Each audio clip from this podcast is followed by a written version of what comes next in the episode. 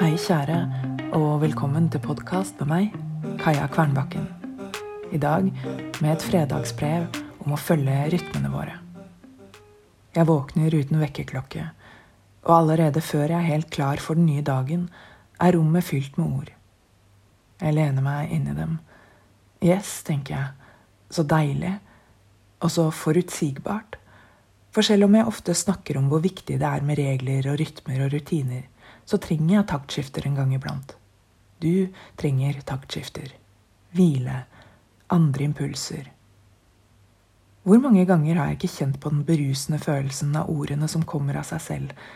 Deilige, forlokkende bruddstykker, anslag fulle av framtidstro. Hvor mange ganger har jeg ikke ønsket meg å få være i dette rommet for alltid?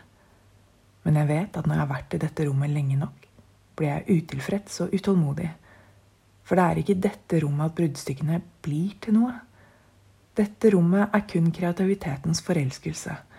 Kjærligheten kommer først når jeg er villig til å jobbe med noe over tid. Jeg trenger taktskiftene. Jeg trenger begge rommene.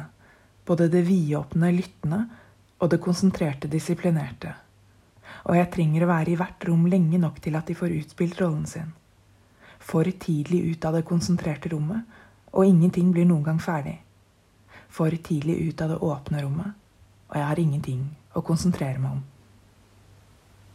Hvilke taktskifter har du i ditt liv? Er det noe du prøver å motarbeide, men som du innerst inne vet at du trenger? Fortell gjerne om det i sosiale medier, og tagg meg. Måtte uken din bli fylt av gode rytmer.